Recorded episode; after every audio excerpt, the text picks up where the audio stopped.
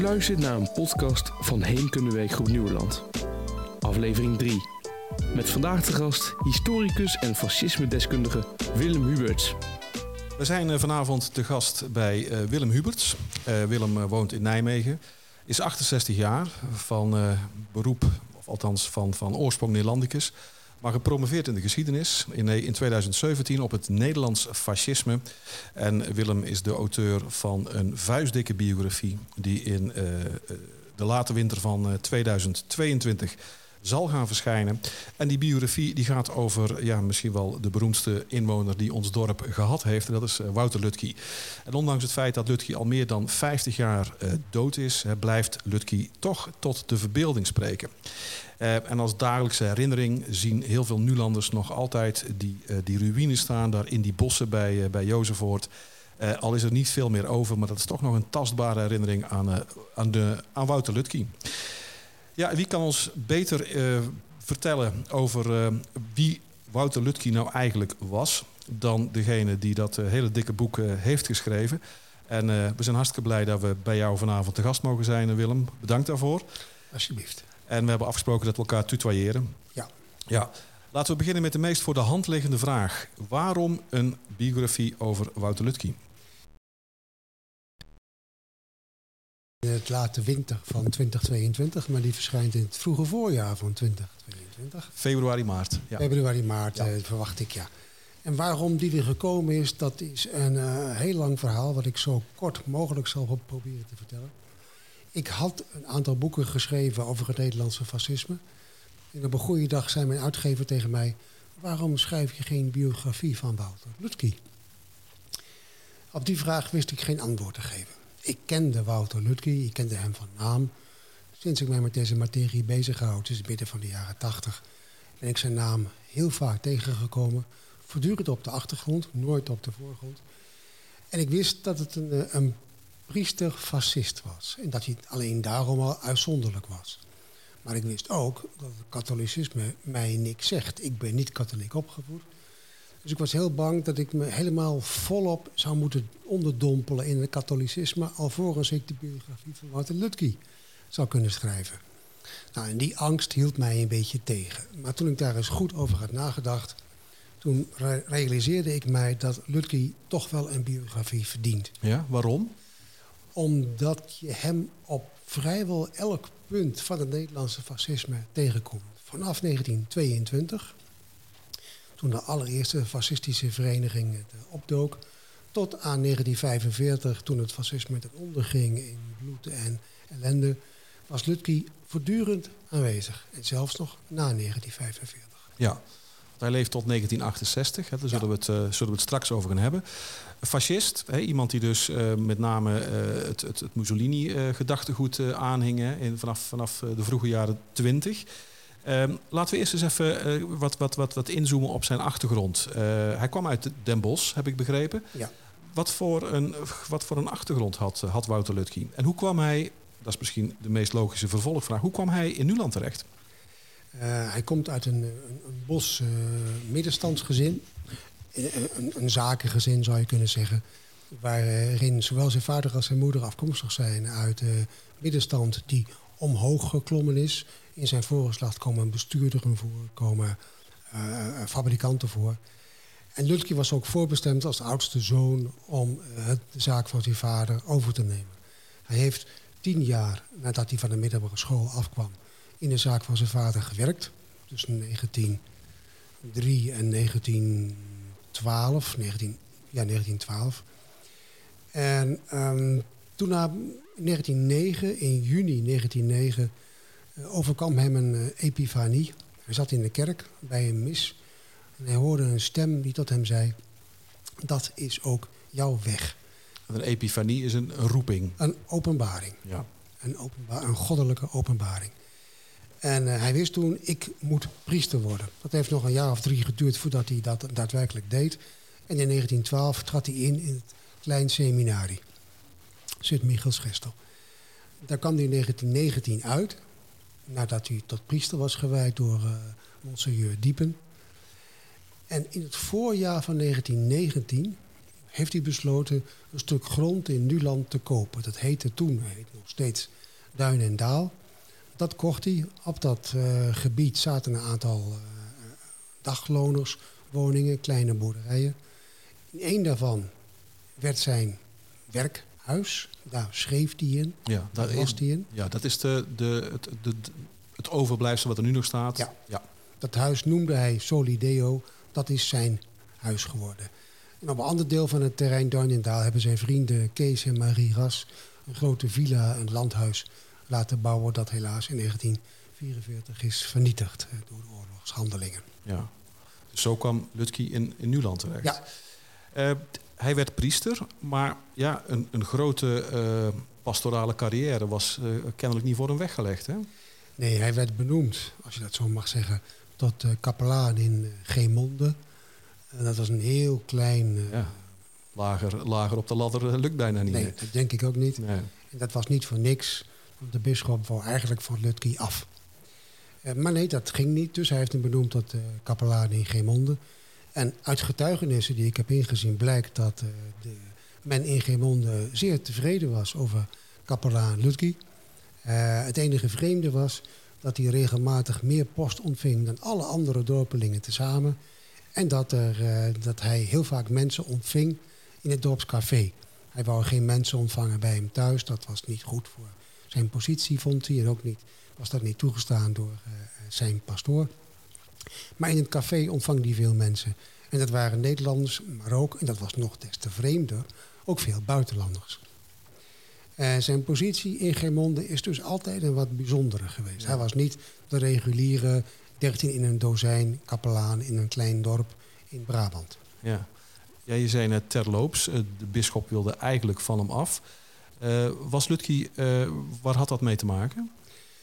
Uh, Lutke was het uh, oneens met de manier waarop op het groot seminarie werd gedoseerd. Met name uh, de filosofische aspecten van de opleiding zinden hem allerminst, omdat die filosofie die toen werd gedoseerd voornamelijk was gebaseerd op de Duitse katholieke filosofie. En Lutke is altijd francofiel geweest en hij vond dat de opleiding meer aandacht zou moeten besteden aan de Franse, toen contemporaine, actuele ja. filosofie. En uit die hoofd heeft hij ook geprobeerd om na het seminarie te, te gaan studeren in Parijs of in Rome. En dat is door zijn bisschop tegengehouden, omdat de bisschop vond dat uh, zijn priesters moesten doen wat het beleid van het bisdom was. Kun je, kun je kort uitleggen wat het verschil tussen die twee richtingen uh, was? Um, ja, je, je, noemt het uh, bijwoord kort en dat is lastig. Ja. want het speelt zich af diep in de krochten van het katholicisme van die tijd. Um, vanuit pauselijke instigatie was het neotomisme opgezet. Dat wil zeggen dat toen in de 19e eeuw bleek dat het geloof en de wetenschap te zeer uit elkaar gingen groeien, heeft de paus gezegd dat de kerk terug moest naar de middeleeuwse bron van kennis om daarmee de eenheid tussen wetenschap en geloof weer te herstellen. Weg met Darwin. Ja, en dat moest via de weg van Thomas van Aquino, het neo-thomisme. In de Duitse katholieke filosofie deed dat niet. Dat deed ook de Nederlandse, het Nederlandse episcopaat niet. Maar Lutke vond dat dat wel de aangewezen weg was. Hij verzette zich dus al heel vroeg, al in de jaren tien, verzette hij zich tegen de wens van het Nederlandse episcopaat om dat neotomisme voorlopig maar niet te omarmen. Hmm. Ja, ziet me nou een vraag te binnen over het. Daar zitten we al echt in het proces van het schrijven van zo'n verhaal. Is het niet ontzettend moeilijk om 100 jaar na dato je als niet-katholiek uh, in te leven in, in zo'n ingewikkelde uh, filosofische gedachtenwereld, uh, die, die, die toch wel ver van, van jou afstaat, denk ik? Ja, die staat werkelijk heel ver van mij af. Um, maar als historicus kun je niet zeggen, dit staat ver van mij af, dus ik laat het ver van mij afstaan. Nee, ik moest mij erin verdiepen, wilde ik ook mijn enige greep krijgen op de materie die samenhangt met de persoon Wouter Lutke. Ik moest mij dus verdiepen in die 19e eeuwse problematiek. Ik moest mij verdiepen in het neotomisme, in de filosofische aspecten daarvan. En ik moest mij ook verdiepen in wat dat betekende voor een Nederlands priester in de jaren 10 van de vorige eeuw. Dus de werken van, van Ernest Hello, wat, wat, wat, wat, Ernest Hello. Ja, Leon Blois. En Leon Blois, ja, die, die horen daarbij. Die heb je ook doorgenomen? Nee, nee, nee, nee. Men moet het niet gekker maken dan het al is. En dan het strikt noodzakelijk is, denk ik, zoveel jaar later. Ja. Inderdaad, ja. Dus een ook wel een lastige figuur misschien, uh, Lutki. Althans, niet iemand die gewend was om zijn mond dicht te houden of, of om, om leidzaam te volgen. Nee, Wat de grote lijn uh, die door Monsieur Diepe werd uitgezet, ja. uitgezet. Nee, Lutki wist ook van zichzelf dat hij heel lastig was. Hij heeft ook wel eens later gezegd, ik heb dit ook in mijn boek opgenomen... ik ben een heel lastig man. En ik ben een man die alleen durft te staan. Hmm. Hij wist van zichzelf dat hij eigen gereid en eigenwijs was. Ja. En daar was hij ook trots op. Dat ben ik. En zo ben ik geworden en dat brengt mij tot waar ik nu ben. Dat beeld, dat heb jij ook bevestigd gezien in jouw onderzoek? Ja. Ja, Lutke was iemand die volstrekt zijn eigen weg ging. Hij liet zich door niets of niemand beïnvloeden. Uh, dat is niet helemaal waar. Want wat andere mensen tegen hem zeiden, nam hij wel tot zich. En hij verwerkte dat. En soms leidde dat tot kleine aanpassingen in zijn opvatting of in zijn gedragingen. Maar dat zijn uitzonderingen. Ja. Als je kort zou moeten aangeven wat, uh, hoe, de, hoe de ideeënwereld van, van die jonge uh, Wouter Lutke eruit zag. Zo zeg maar begin van de jaren twintig. Dus vlak voordat hij in aanraking komt met dat, uh, met dat fascisme. Wat, Ja. wat- waar stond hij voor? Wat, wat, wat, hoe, hoe zag zijn samenleving eruit? Hoe moest hij eruit zien? Hij vond dat de Franse revolutie een, eh, een breuklijn had veroorzaakt in de Europese samenleving. En alle gevolgen van die Franse revolutie, dat wil zeggen liberalisme, democratie, zijn zaken die Lutke verwierp. Hij wou terug naar de middeleeuwse standenmaatschappij, waarin de katholieke kerk een grote invloed had op het dagelijks leven en op de mens. En hij heeft in, in de jaren tien zich aangesloten bij wat in het jargon heet de katholieke renouveau, een Franse eh, stroming die probeerde terug te gaan naar de situatie voor de Franse revolutie, zodat daarmee het zielenheil van de burger beter zal kunnen worden gewaarborgd dan in een tijd waarin veranderingen enorm zijn. Vanaf 1850 zijn er enorme maatschappelijke veranderingen geweest op het gebied van wetenschap, techniek, samenleving. En dat vond Dutke allemaal maar onzin, want dat had alleen maar geleid tot een, eh, een, een samenleving waarin de rijken rijker werden en de armen steeds armer werden gehouden door juist die rijken. En die, samenhorig, die saamhorigheid en die samenhang in de middeleeuwse samenleving, die wenste hij terug te zien. Dat was zijn opvatting toen hij op het seminarie zat. En dat bracht hem regelmatig in conflict met zijn kerkelijke superieuren. En die opvatting, die zag hij terug in de opkomst van het fascisme. Ja. En hij was ook bereid om, om op te spelen, om, om, om richting eh, kerkelijke leiders, Ja. Om, om het conflict aan, om om het zeker niet uit de weg te gaan. Nee, eh, hij heeft nooit bewust een conflict gezocht. Maar hij heeft ook nooit zijn gedrag aangepast om een conflict te voorkomen. Om een voorbeeld te geven, toen de eh, 1923 verkiezingen waren, vond hij dat zijn eh, vriend Hendrik Moller minister van Onderwijs moest worden. Dus Lutke stapt op de bus in Nuland, gaat naar Den Bosch, stapt in de trein naar Den Haag, vraagt audiëntie aan bij de minister-president en zegt: Hendrik Moller moet minister van Onderwijs worden. Hij is niet geworden, Nee. maar dat toont. Maar later toch in ieder geval namen geven van een groot onderwijsinstituut in Tilburg. Diezelfde Moller. Diezelfde. Moller. Ja. Ja. Hoe, hoe gaat het dan uiteindelijk echt mis tussen, tussen Lutke en, en, en de bisschop? Het is nooit misgegaan tussen Lutke en de bisschop. Eh, de bisschop heeft Lutke diverse malen tot de orde geroepen. Hij heeft hem ook veelvuldig verboden om fascistische toespraken te houden, om actief te zijn, om het fascisme te propageren. Ik heb eh, diverse brieven gevonden en ook heel interessante briefwisselingen tussen Lutke en Monseigneur Diepen. Maar Diepen heeft steeds, en daar mag Lutke heel blij mee zijn, Diepen heeft steeds beseft, ik heb hier iemand eh, onder handen die een buitengewoon persoon is. En die moet ik wel heel kort zien te houden, maar ik moet hem niet gaan kort wieken.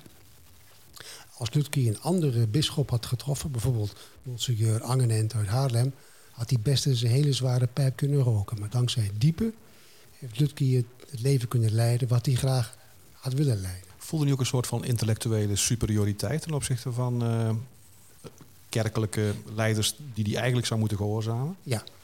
Uh, ik heb ook een passage gevonden. In brieven aan Nederlandse correspondenten is Lutke vaak heel omzichtig en voorzichtig. Maar in een uh, brief aan een Duitse vriend zegt hij, noemt hij Diepe ook uh, der dumste aller mensen. Hij vond Diepe een hele domme man.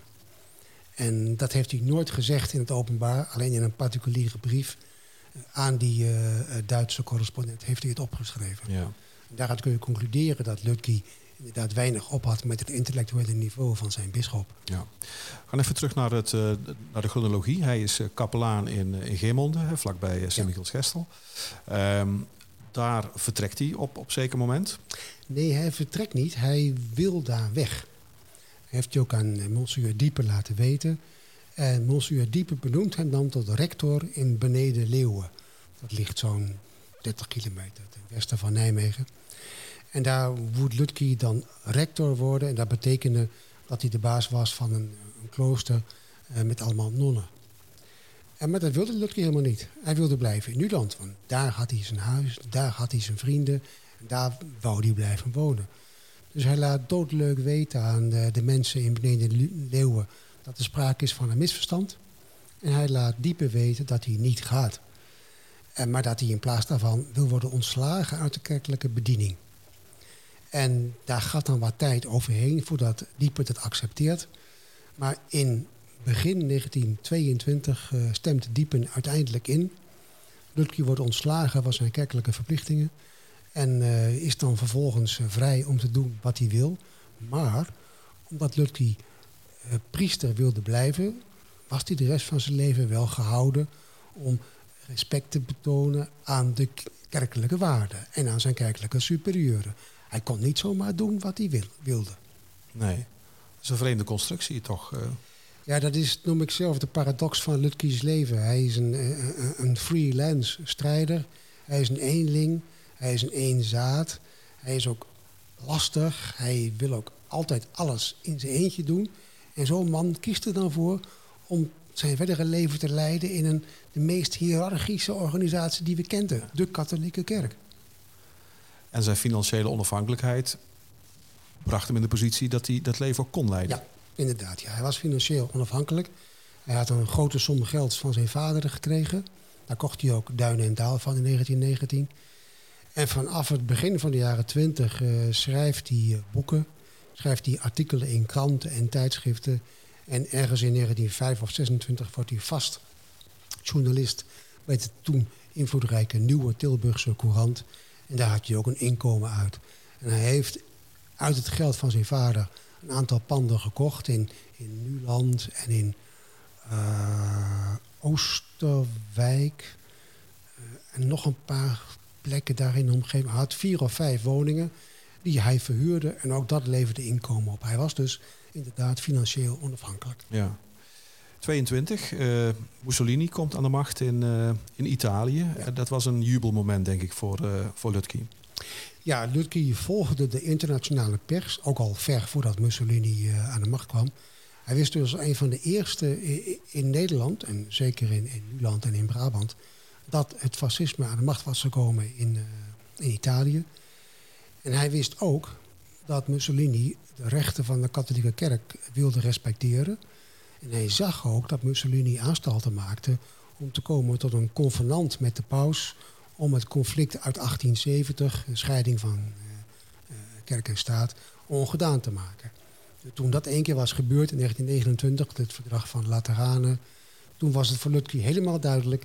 Zie je wel, ik heb altijd gelijk gehad. Deze fascistische leider zorgt ervoor dat de katholieke doelstellingen worden gerespecteerd. En daarmee is dat voor ons de aangewezen politieke ideologie. Ja.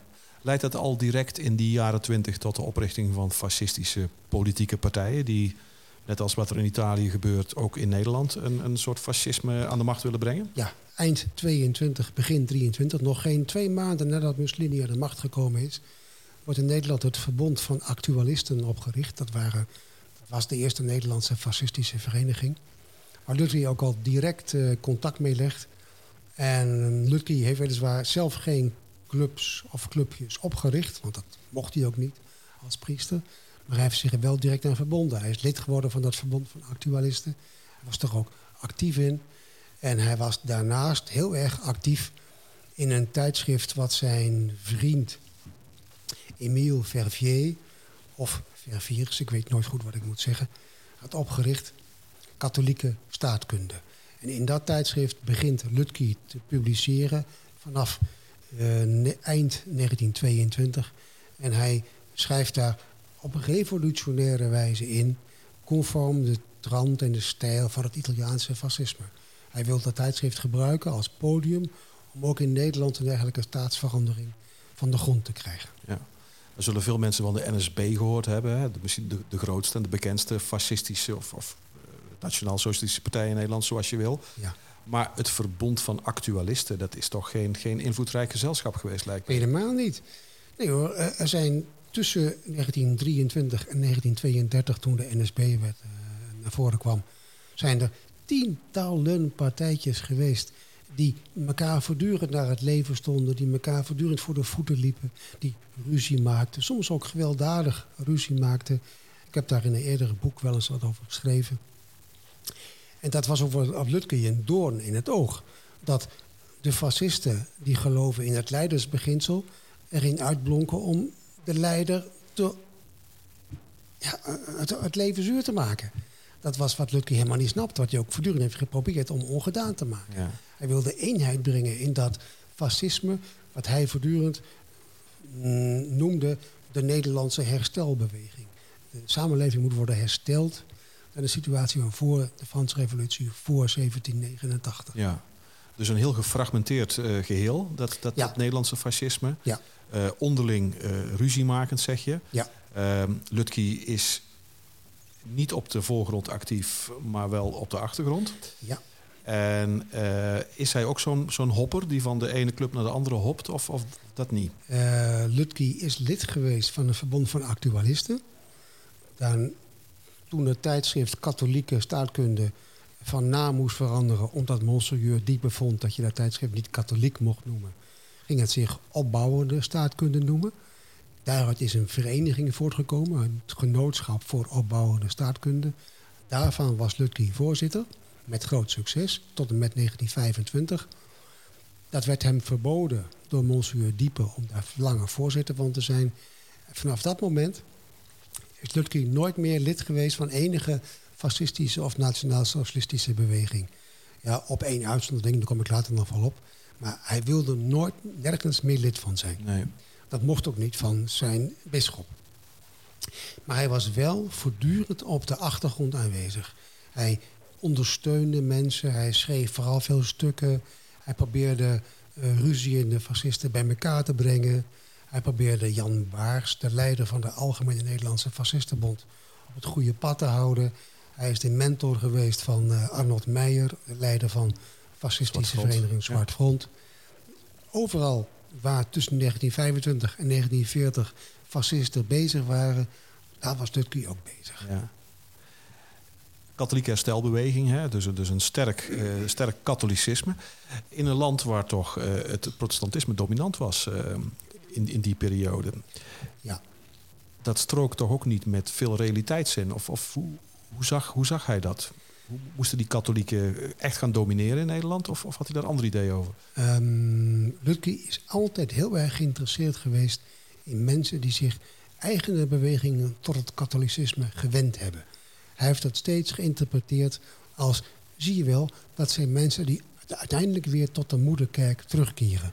Die splitsing die Luther ooit heeft bewerkstelligd, die wordt vanzelf ongedaan gemaakt. Als wij maar kunnen aantonen dat wij het op de juiste manier doen en dat de samenleving die wij nastreven ook de goede resultaten boekt. Dan komen al die protestanten vanzelf weer bij de katholieke kerk terug. Dat was wat Lutke dacht. En dat was ook waar hij naar werkte. Want het fascisme is voor hem nooit een doel geweest, maar een middel. Een Ja. middel tot die herstel van de, voor, van de samenleving voor 1789. Ja. Is, is Lutke invloedrijk in die periode? Ja, hij is heel invloedrijk. Hij is een van de drie bestuursleden van de Nationale Unie. Waarvan eh, de andere twee waren Robert Groenings van Zoelen en professor Gerritsen. We zijn met z'n drieën, hebben op de achtergrond, maar wel voortdurend geprobeerd iedereen bij de les te houden. En ik, je kunt dus zeggen dat Lutke invloedrijk geweest is. Maar je kunt ook zeggen dat zijn invloed tot niets heeft ehm, geleid. Nee. Want het fascisme is nooit aan de macht gekomen in Nederland. Lutke moest ook niets hebben van het nationaalsocialisme. Nee. Hij heeft voortdurend gepoogd om Musser tegen te werken. Zowel in Nederland als bij zijn contacten in Rome, in Italië. Uh, hij vond het nationaal socialisme maar een verwerpelijke ideologie. Ja. Kort door de bocht zou je kunnen zeggen dat het, het, het grootste verschil tussen het Italiaanse fascisme en het Duitse nationaal socialisme het antisemitisme is. Had, had een hekel aan Joden? Is, heb je daar iets van, van kunnen, kunnen vinden in jouw uh, onderzoek? Nee, Lutke had geen enkele hekel aan Joden. Uh, had ook contact met heel veel Joden. Maar Lutke was wel, zoals vrijwel iedereen in het interbellum, besmet met een bepaalde mate van vooringenomenheid jegens uh, Joodse mensen. Hij vond wel dat Joden altijd probeerden geld te verdienen. Hij vond wel dat Joden stelselmatig te veel lawaai maakten als ze in gezelschap waren. Kortom, al die standaard antisemitische vooroordelen van Joden zelf zeggen dat zijn risjes. Nou, die had Lutke ook in, in, grote mate. Maar daar was hij zich niet van bewust. Nee. Welke rol zag hij nou eigenlijk voor zichzelf in die periode? Als, als de denker op de achtergrond? Of, of had hij andere ambities? Hij, hij wilde de grote inspirator zijn van het Nederlandse fascisme. Hij wilde de katalysator zijn die ervoor zorgde dat Nederland fascistisch zou worden. En niet om het fascisme, maar om het land daarna vervolgens katholiek te maken. Ja. En daarbij was de blik dus voortdurend op Italië gericht. En hij maakt ook een aantal reizen. Hij wordt ook persoonlijk ontvangen, heb ik begrepen. Door ja, hij heeft heel veel reizen gemaakt naar Italië. Ook naar Frankrijk, naar Spanje, naar, naar Oekraïne, Oostenrijk, uh, Engeland. Hij is vrijwel overal in Europa geweest. Maar ook heel vaak in Italië. En hij is zeven keer in privé-audiëntie ontvangen door uh, Mussolini. Dat is heel uitzonderlijk. Uh, ik ken niemand anders die dat gelukt is. Uh, zeker niet een privé-audiëntie. Maar Lutke wel. En ik vermoed dat dat kwam omdat begin van de jaren 30 uh, probeerde Italië het fascisme te verspreiden over Europa. En in begin 1930 was Duitsland nog niet nationaal-socialistisch. Dus Italianen probeerden hun positie in, in heel Europa te doen vestigen. En de Italianen hebben geweten dat het fascisme in Nederland verbrokkeld en versplinterd was. En zij wisten ook dat Lutke iemand was die boven al die partijen stond. Dus ook in hun ogen was Lutke de aangewezen man om het fascisme te gaan promoten in Nederland. Het Italiaanse fascisme te gaan promoten. Ja, dus in die zin was het een talentvolle figuur. Hij was talentvol in die zin dat hij in staat was om mensen te begeleiden zonder zichzelf op de voorgrond te dringen. Hij was in staat om mensen te helpen, waar geholpen moest worden, hielp hij. Hij was in staat om, om in geschriften duidelijk te maken waarom het fascisme zo'n goede maatschappelijke ideologie was.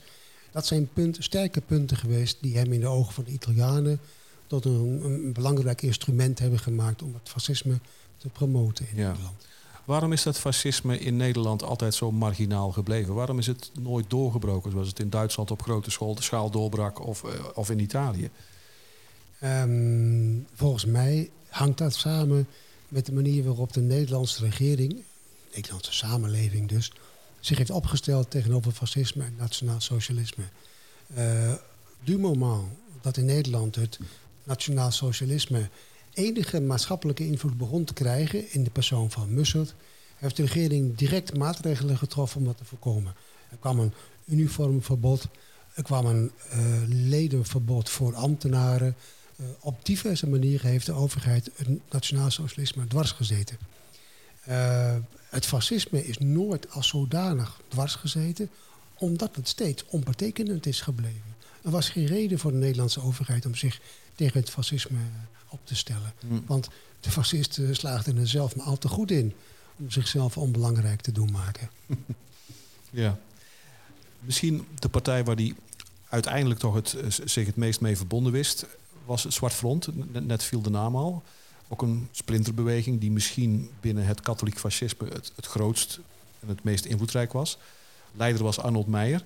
Kun je die club eens karakteriseren? Ja, het was niet zo onbelangrijk als je nu om woorden brengt. Het was de tweede grote beweging in Nederland na de NSB. Maar nooit een zetel in de Tweede Kamer gehad? Nooit, nooit, nooit. Nee, maar ze, ze, Arnold Meijer wilde ook niet de weg van het parlement bewandelen. Hij wilde het volk bespelen, het volk voor zich winnen. En dan zou de macht vanzelf hem toevallen. Hij wou nooit meedoen met, uh, met verkiezingen. En um, Arnold Meijer vond dat het Zwart Front dat het katholiek moest zijn. Dat was het ook. Het kwam ook voort uit uh, Brabant, uit Noord-Brabant. Het was een typisch Zuid-Nederlandse beweging. Uh, maar het had een heel sterk rellerig aspect. In die zin dat men uh, niet zozeer probeerde om duidelijk te maken waar men voor was, maar veel eer waar men tegen was. Nou ja, als je ergens tegen bent, laat je dat heel duidelijk blijken. Ja. Door in geschriften, door in daden. Het, Zwart Front was gericht op relletjes. En het was ook zeer antisemitisch. Waar Lutke niet van, niets van moest hebben. Uh, waar hij ook Arnold Meijer meermalen op heeft aangesproken. Maar dat heeft niet geleid tot enige beleidswijziging van Arnold Meijer. Nee. Stond, stond hij dan alleen, zoals we halverwege de jaren dertig? Hij, hij, hij, zat, hij, zat, hij had niks met, dat, met die NSB. Hij, hij profileerde zich niet nadrukkelijk uh, in, de, in de landspolitiek. Uh, bleef op de achtergrond. Was het een, een solist? Uh... Ja, het was een solist. maar vanaf 1930, medio 1930, had hij een eigen podium, een eigen tijdschrift. Aristo heette dat tijdschrift. Wat hij helemaal zelf financierde en organiseerde. En dat tijdschrift heeft tot 1965 bestaan. Dat is, dat is zijn podium geweest waaraf hij vanaf het begin van de jaren 30 heeft geprobeerd om zijn idealen en zijn opvattingen uh, naar buiten te brengen. Dus hij was weliswaar geen lid van een politieke partij, maar hij gaf wel veel lezingen in het land. Hij gaf ook veel voordrachten. Hij gaf ook veel uh, aanwijzingen aan fascisten hoe ze het beste zouden kunnen optreden in deze of deze situatie. En hij gebruikte zijn eigen tijdschrift als podium. En op die manier had hij achter de schermen invloed. Niet echt hele grote invloed, maar wel degelijk invloed. Ja, het, lijkt, het was geen tijdschrift met 100.000 abonnees. Uh, Helemaal niet. Nee. Meer dan 200, 300 zijn het nooit geweest. Nee, nee. Dat wilde hij ook niet. Nee. was een man die zei, het gaat niet om hoeveel, maar het gaat om wat. Ja. De jaren 30, de NSB komt ook niet echt van de grond. In Duitsland uh, gebeurt er van alles. Jij zegt net, dat was allemaal niet iets waar Lutke voor stond te juichen. En dan komt die Duitse inval, 10 mei 1940. Hoe is, hoe is Lutke daarmee omgegaan? Heel pragmatisch. in Duin en Daal waren voor mei 40 Nederlandse soldaten ingekwartierd. En na de inval van de Duitsers in mei, 5, mei 40 waren de Duitse soldaten ingekwartierd in, in Nuland. En Lutke accepteert het allemaal zoals het zich aandiende. En dat was ook zijn levensopvatting. Je moet accepteren wat er gebeurt. Alles wat gebeurt komt van de Heer. En uh, de oorlog is nog geen drie weken afgelopen, begin juni 1940. Of hij abonneert zich al op de Deutsche Zeitung der Niederlanden, de officiële orgaan van de Duitse bezettingsoverheid. Want hij wilde wel voortdurend overal bij zijn. Hij wilde weten wat er gebeurde. Hij wilde weten wie wat deed in bezet Nederland. Hij wilde kortom op de hoogte zijn en op de hoogte blijven. Ja. Maar hij was tegenover de Duitse bezetting was hij heel pragmatisch. Daar kunnen wij niks aan doen. Ze zijn hier nou één keer en ze zullen ooit wel weer weggaan. Maar voorlopig moeten we het accepteren. Ja, maar hij heeft geen stelling genomen. Duidelijk. Tegen de Duitsers. Uh, hij, Lutke nam zelden ergens direct stelling tegen. Hij heeft ook nooit stelling genomen tegen de deportatie van de Joden. Ik heb ook nooit enige passage gevonden waaruit bleek dat hij wist dat de Joden werden gedeporteerd.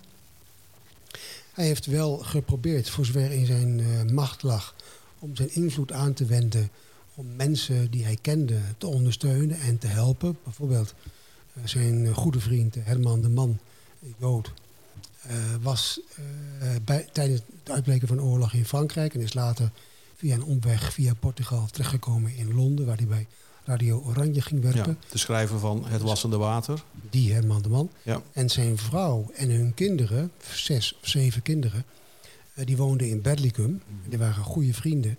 En toen, zijn vrouw, toen Herman de Mans vrouw en vijf van hun kinderen werden opgepakt in augustus uh, 42, als ik me goed herinner. Heeft Lutke hemel en aarde trachten te bewegen om die vrij te krijgen uit Duitse handen. En hij heeft nooit geweten dat ze uh, nog een week na arrestatie in Auschwitz zijn vergast.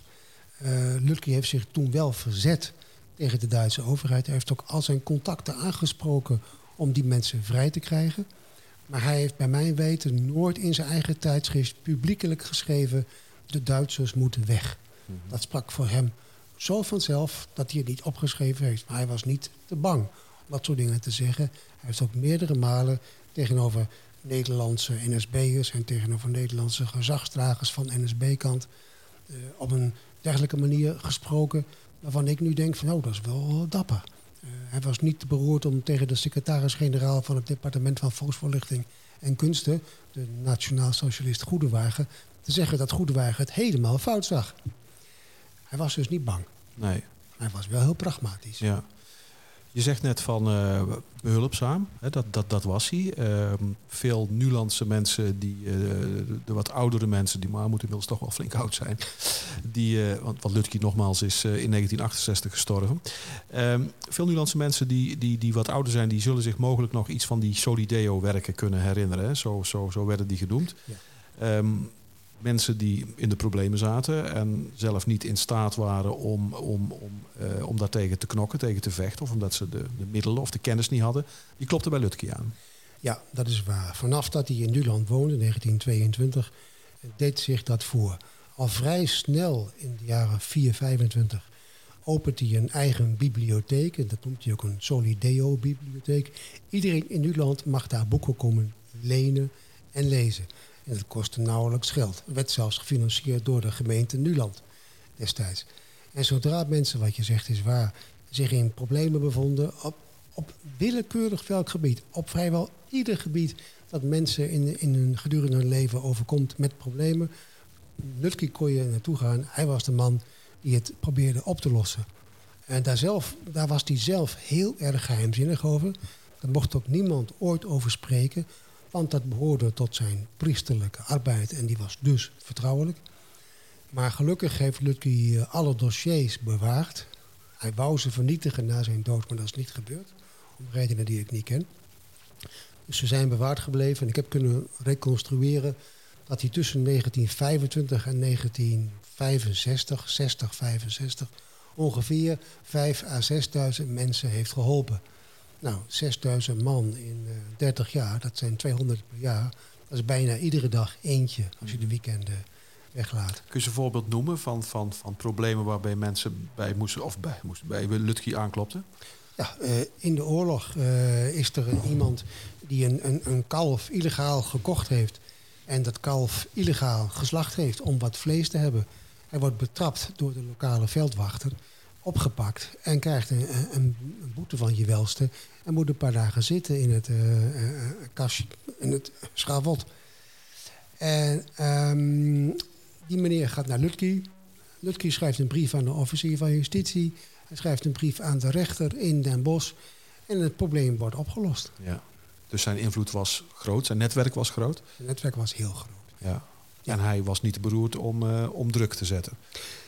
Nee, nee hij, hij, kende zoals gezegd heel veel mensen. Niet alleen maar in Den Bosch, maar ook in Tilburg, ook in Breda, ook in Amsterdam, ook in Den Haag, overal in Nederland. En hij was niet te beroerd om al zijn netwerkcontacten in te zetten wanneer die mensen kon helpen.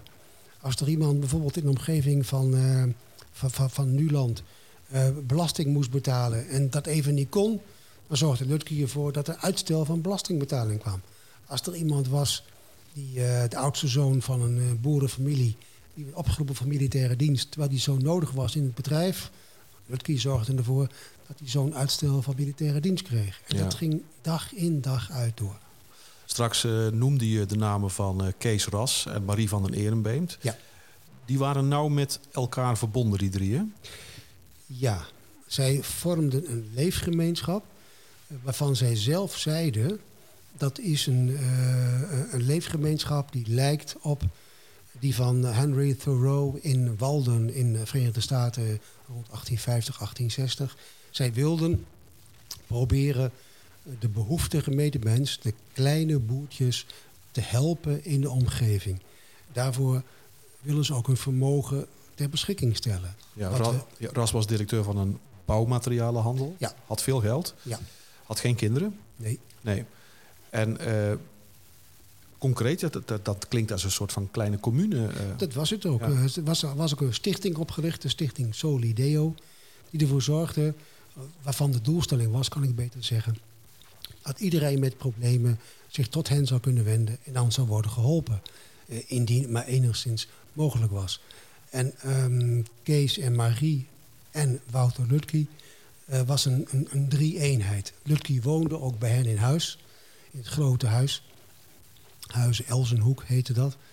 En alles wat Lutke deed werd ondersteund door Kees en Marie. Zij stonden ook volledig achter zijn politieke ideeën? Jazeker. Marie heeft ook in de jaren dertig wel eens een, een, een, lezing uitgesproken voor een fascistische club waar Lutke zelf niet heen kon gaan. En Marie heeft ook zelfs uh, artikelen geschreven in uh, katholieke staatkunde onder een pseudoniem. Waarvan Lutke later zei, dat is mijn pseudoniem. Waarvan ik heb kunnen constateren dat dat een gezamenlijk pseudoniem was. Ja. Dus alles deden ze samen. Ze leefden samen. Hoe was zijn relatie verder met het met Nuland en de Nulanders? Hij voelde zich enorm betrokken bij Nuland. Hij wilde daar ook nooit meer weg. Hij heeft er bewust voor gekozen om daar te gaan wonen en te gaan werken. Hij vond het een hele aangename plek om te wonen. Hij vond de mensen aardig. Hij vond de omgeving wonderschoon, vooral zijn eigen gebied. Het landgoed Duin en Daal. Uh, Nuland uh, had een, zwak. Hij heeft ook nooit enige seconde overwogen om daar weg te gaan. Nee, nee. Dan komt de bevrijding, uh, september, oktober 1944. Uh, veel mensen die ge geïnteresseerd zijn in de lokale geschiedenis, die zullen op de hoogte zijn van, van zijn dagboek. Hij is degene die de, de chroniqueur was van, van die gebeurtenissen in die tijd. Um, dan is die oorlog afgelopen. En dan, uh, ja, dan begint uh, de goed-fout discussie uh, in het land. Hè. veel plek voor nuance schijnt er dan niet te zijn. Um, hoe fout of hoe goed was Lutke nou eigenlijk, vond men toen? Um, ja, men wist dat niet goed. men wist niet goed wat, met hem, wat je van hem moest vinden. in die waren dagen van het najaar 44, voorjaar 45 is hij ook drie maal gearresteerd door uh, mensen uit de Nederlandse verzetsbeweging. Die vonden dat die vuile fascist maar eens moest worden opgepakt. En alle drie keren is hij weer uh, vrijgekomen na bemiddeling van de voorman van het gewapende verzet in Nuland en omgeving, Jan Verberne. Die wist heel goed welk vlees die in de kuip had. Uh, er is ook gepoogd om Lutke te vervolgen. de officier van justitie, meester Delen in Den Bosch, heeft geprobeerd een dossier op te bouwen tegen Lutke. Maar dat is niet gelukt, nee. want hij bleek niks fout te hebben gedaan. Nee. Op basis waarvan zou die delen hem dan willen pakken, om het zo te zeggen? Nou, om die vraag te kunnen beantwoorden, moet je je eigenlijk in de schoenen verplaatsen van iemand uit 1944, 1945. Uh, men wist dat Lutke fascist was, ook al decennia lang fascist. Men wist dat hij daar nooit een geheim van gemaakt had. Dus zo iemand die moet wel te maken hebben gehad met de Duitsers. Die moet wel iets verkeerd hebben gedaan. En daarom is hij vervolgd. En daarom heeft men gepoogd een zaak tegen hem op te tuigen. Maar dat is dus niet gelukt. Nee. Dan is die oorlog afgelopen. Uh, hoe, uh, ja, hoe teleurgesteld is, is Lutke dan in, in die ideologie uh, waar hij zo in geloofd heeft... en misschien op dat moment nog wel in gelooft... maar die toch wel ten gronde is, uh, is gegaan? Ja, daar is Lutke heel erg teleurgesteld over. Uh, hij voelde het aankomen in 1937, toen Mussolini uh, zich in zijn buitenlandse politiek liet leiden door Hitler-Duitsland. Hij heeft toen ook al een brief geschreven aan Mussolini waarin hij hem uh, probeerde duidelijk te maken dat hij zich moest afwenden van Hitler-Duitsland. Maar uiteraard, Mussolini zal niet naar Lutke hebben geluisterd. En maar Lutke voelde aankomen dat dat samengaan van Duitsland en Italië vanuitend zou zijn voor het fascisme. En dat bleek ook zo te zijn. Toen in 1945 het nationaalsocialisme was verslagen, militair verslagen, was ook het fascisme militair verslagen. En Lutke was daar buitengewoon triest over. Hij zei, dit is de kans geweest om de middeleeuwse samenleving opnieuw naar voren te halen. En nu zijn wij uh, gedwongen om weer onder het juk van de liberale democraten verder te moeten leven. Ja.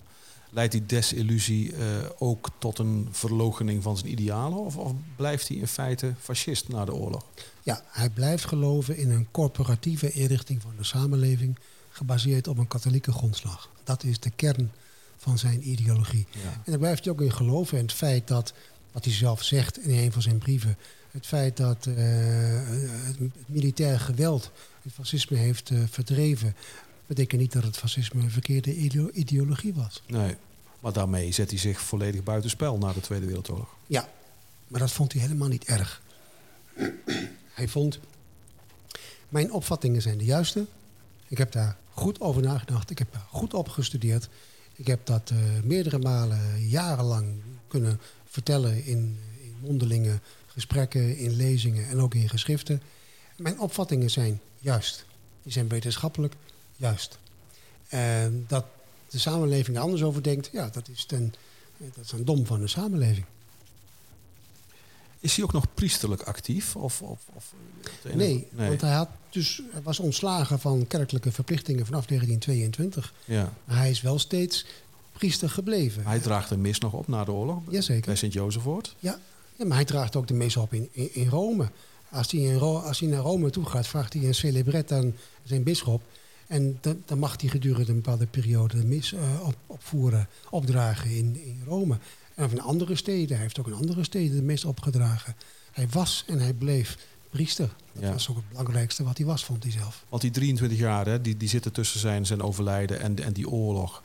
Ja, wat, wat, wat, wat, wat is Lutki dan nog? Uh, zelf heeft hij dat een keer omschreven in een artikel in Aristo. Mm, ik ga door met, ik, met spe, hoe zegt hij, hij zei, ik ga door met biljarten. Uh, ik ben aan het biljarten geweest en ik hou daar niet mee op. Want dat komt, zegt hij, wij moeten onze rol spelen. En het is mijn rol om deze ideologie te hebben en te houden. Het is mijn rol om mensen te helpen waar dat maar kan. En daar ga ik mee door tot ik niet meer kan. En het spel dat ik heb geprobeerd te spelen in de jaren 20 en de jaren 30 heeft niet geleid tot enig effect. Dat betreur ik, maar ik accepteer het. Dus ik ga door met wat ik altijd geweest ben. Een moralist en een priester. Ja. Als je alles bij elkaar optelt en aftrekt, wat is dan de opbrengst van zijn, van zijn leven geweest, zou je kunnen zeggen? De opbrengst van zijn leven is geweest dat uh, hij heel veel jongeren heeft uh, geholpen vanaf het begin van zijn tijdschrift Aristo. Uh, de jongeren heeft geholpen om te publiceren. Uh, dichters als, um, um, hoe heet die, Vrolijk, Maarten Vrolijk, latere minister van Onderwijs. Die heeft gedebuteerd in Aristo. Wim Zaal heeft gedebuteerd in Aristo. Anton Erwig. En zo zijn er veel dichters die hebben daarin gedebuteerd. Die hebben veel aan Wouter Lutke te danken gehad. Uh, een ander punt waarvoor je mag zeggen dat Lutke van belang geweest is, is het heel concreet maken van de ondersteuning van de behoeftige mens.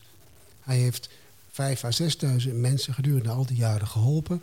Die mensen hebben zich tot Lutke gewend en niet tot de pastoor van Nuland en niet tot de bisschop in Den Bosch. Die mensen kwamen bij de tovenaar van Nuland. Dat was zijn bijnaam. Want hij kon het oplossen. Nou, dat is van niet te onderschatten betekenis geweest in Nuland en omgeving. En tot slot is Lutke van belang geweest omdat hij um, een toonbeeld is geweest van iemand die poogde om een eenmaal ingenomen positie tot het bittere eind te verdedigen. Hij wilde een samenleving op middeleeuwse grondslag en hij heeft zijn hele persoonlijkheid ingezet om dat te realiseren. Is niet gelukt, maar dat was kennelijk ook het wil van de heer ja. van Lutke. In hoeverre ga je als biograaf uh, jouw onderwerp bewonderen? Of juist niet? Nou, ik heb in mijn leven drie biografieën geschreven. Eentje van Georges Ketman, een nationaal-socialistisch uitgever. Eentje van Bertus Smit, een nationaal-socialistisch propagandist. En nu eentje van Wouter Lutke, en ik heb mij nooit vereenzelvigd met uh, hun idealen of met hun opvattingen. Ik ben wel veel beter gaan begrijpen waarom mensen doen wat ze doen. En ook hoe ze dat doen. En ook dat het uiteindelijk allemaal maar mensen zijn die proberen er het beste van te maken. Uh, te groeien met de riemen die ze hebben. Maar ik heb nooit enige affiniteit gevoeld tot de ideologie van het nationaal socialisme of het fascisme. Is het voorstelbaar, denk je, dat er ooit een straat naar Wouter Lutke genoemd zal worden in uw land? Nou, die is er al in Nuland. Want er loopt een klein paadje naar het uh, bijna ingestorte Solideo. En dat paadje heeft de naam het Wouter Lutke-pad. Ja, dat is een bedenksel, denk ik, van de, van de eigenaren. Uh, een officiële straatnaam, zit er het in, denk je? Ik denk het niet. Nee. nee, nee, nee. Er zijn wel mensen die meer maatschappelijke invloed gehad hebben... en die eerder een straatnaam verdienen dan Wouter Lutke. Ja. Hoe moeilijk was het voor jou om een biografie uh, te schrijven van iemand die, uh, ja, die al zo lang dood is? Was er voldoende materiaal? Wouter Lutke was iemand die alles wat hij schreef en wat hij ontving bewaarde. Toen hij in 1899, toen hij 12 jaar oud was, een uitstapje maakte naar Luiken met zijn moeder, schreef hij een briefkaart naar zijn vader in Den Bosch. op die briefkaart schrijft hij dat hij zich goed voelt en wat hij heeft gedaan en dat het leuk is met zijn moeder. En in de marge schrijft hij heel klein: Bewaart u deze kaart, SVP. Hij wist toen al, als 12-jarig jongetje, alles is waard om bewaard te worden. En zijn hele leven lang heeft hij alles bewaard. Zo sterk zelfs, dat uitgaande correspondentie schreef hij altijd in Duplo. Zodat al zijn eigen brieven ook bewaard zijn gebleven. Dus toen ik mij meldde bij de ingang van het Katholiek Documentatiecentrum in Nijmegen met de vraag: Ik wil graag Lutke's biografie gaan schrijven, mag ik zijn archieves bekijken? Toen bleek mij al heel snel dat dat een imposant archief was. Ik heb nooit een groter archief gezien dan dat. Lutke bewaarde alles. In 1925 kocht Kees Ras een auto. De brochure van die auto is bewaard. In 1903 koopt Lutke Jeger ondergoed bij een firma in Enschede. De catalogus van het ondergoed is bewaard gebleven. Nou, dat is natuurlijk een goudmijn voor een biograaf. Alles zit erin. Ja. En toch schrijf je een, een boek over iemand die zelf niet meer kan spreken. Stel nou dat hij hier nou tegenover jou zat. Ik kan me voorstellen dat er nog steeds dingen zijn waar jij van denkt... nou, god, dat, dat, dat, dat, is, dat is nog iets wat ik, wat ik me nog echt afvraag. Dat zou ik aan hem willen vragen. Dan moet ik even goed nadenken wat ik daarop zou kunnen zeggen. Ik kan me niet herinneren... Ja, misschien toch wel. Ja. Wat, wat ik niet ben te weten gekomen wat ik wel graag zou willen weten is... Um, wat is Lutke's geestelijke ontwikkelingsgang geweest tussen 1902, toen hij begon te werken in de zaak van zijn vader als vertegenwoordiger in Koeienhuiden, en 1909, toen hij die epifanie, die openbaring onderging. Welke geestelijke ontwikkeling heeft hij doorgemaakt die hem ontvankelijk maakte voor die overgang van de dagelijkse praktijk van het handeldrijven naar puur geestelijk bezig zijn. Daar ben ik wel benieuwd naar. En daar ben, ik onvoldoende over te weten gekomen in mijn onderzoek. Misschien de laatste vraag. Ehm, de ruïne staat er nu. Die staat er al uh, sinds 1968. Het lijkt alsof er helemaal niks mee gebeurt. Nou, het lijkt niet alleen, maar het is ook zo. Er is niet veel meer van over. Ehm, wat zou er volgens jou met, met die plek moeten gebeuren? Ja, ik, ik heb een brief geschreven aan de, de bestuursvoorzitter van uh, Sint-Jozefvoort. En ik heb haar erop gewezen dat er op haar grondgebied een belangrijk historisch monument is... wat vrijwel geheel vervallen is en dat wellicht verdient op een of andere wijze te worden uh, bewaard voor het nageslacht. Want Lutke is, of we het nou willen of niet, wel de beroemdste dorpeling die Nuland ooit heeft uh, voortgebracht. Ik heb begrepen dat Jozef Oort uh, bezig is om een lange termijn visie te ontwikkelen op het gehele terrein. Waarbinnen ook Solideo een plaats krijgt. Maar met die lange termijn visie zijn ze ook al heel erg lang bezig.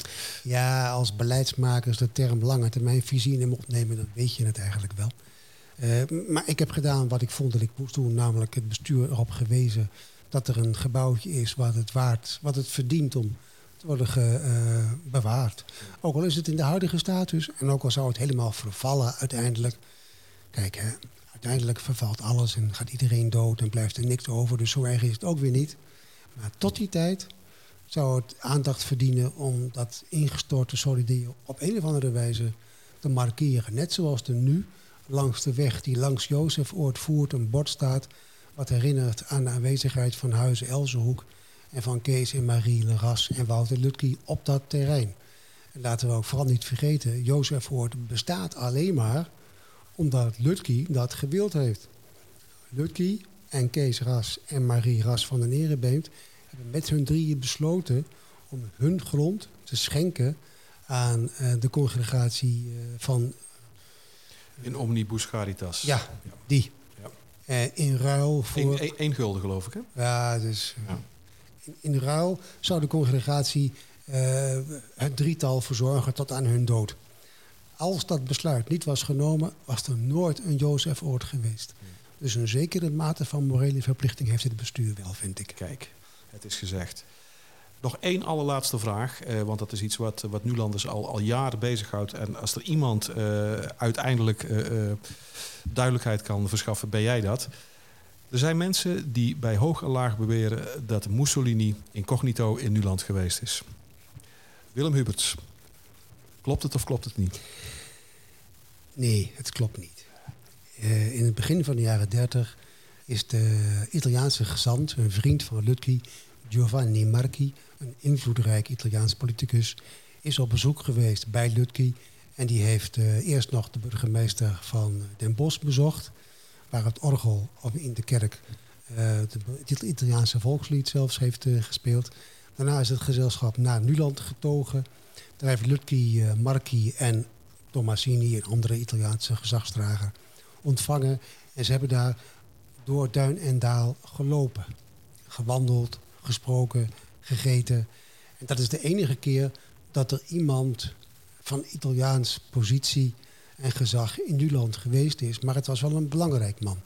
Het was ook een man die kalend was. Het was ook een man die een beetje klein was. Het was ook een man die wat dikker eruit zag. Dus vanuit de verte zou het Mussolini geweest kunnen zijn. Kijk, heel sympathiek van u. Ja. Uh, Februari, maart verschijnt het boek. Ja. Vuistdik, u had het over. Of je had het over 500 pagina's waarschijnlijk. Ja, in die orde van grootte dreigt het te komen, ja. Ja, dus iedereen die uh, geïnteresseerd is... of nog meer geïnteresseerd is geraakt... Uh, na het luisteren van deze podcast... in het uh, leven van die beroemde figuur Wouter Lutke... die kunnen het boek gaan aanschaffen. Wat verschijnt nogmaals in februari, maart 2022... bij uitgever Boom. En het is geschreven door dokter Willem Huberts. Aan die moet ik vriendelijk bedanken voor zijn gastvrijheid en voor je toelichting. En heel veel succes. Dat is mij genoegen. Dankjewel. Heel graag gedaan.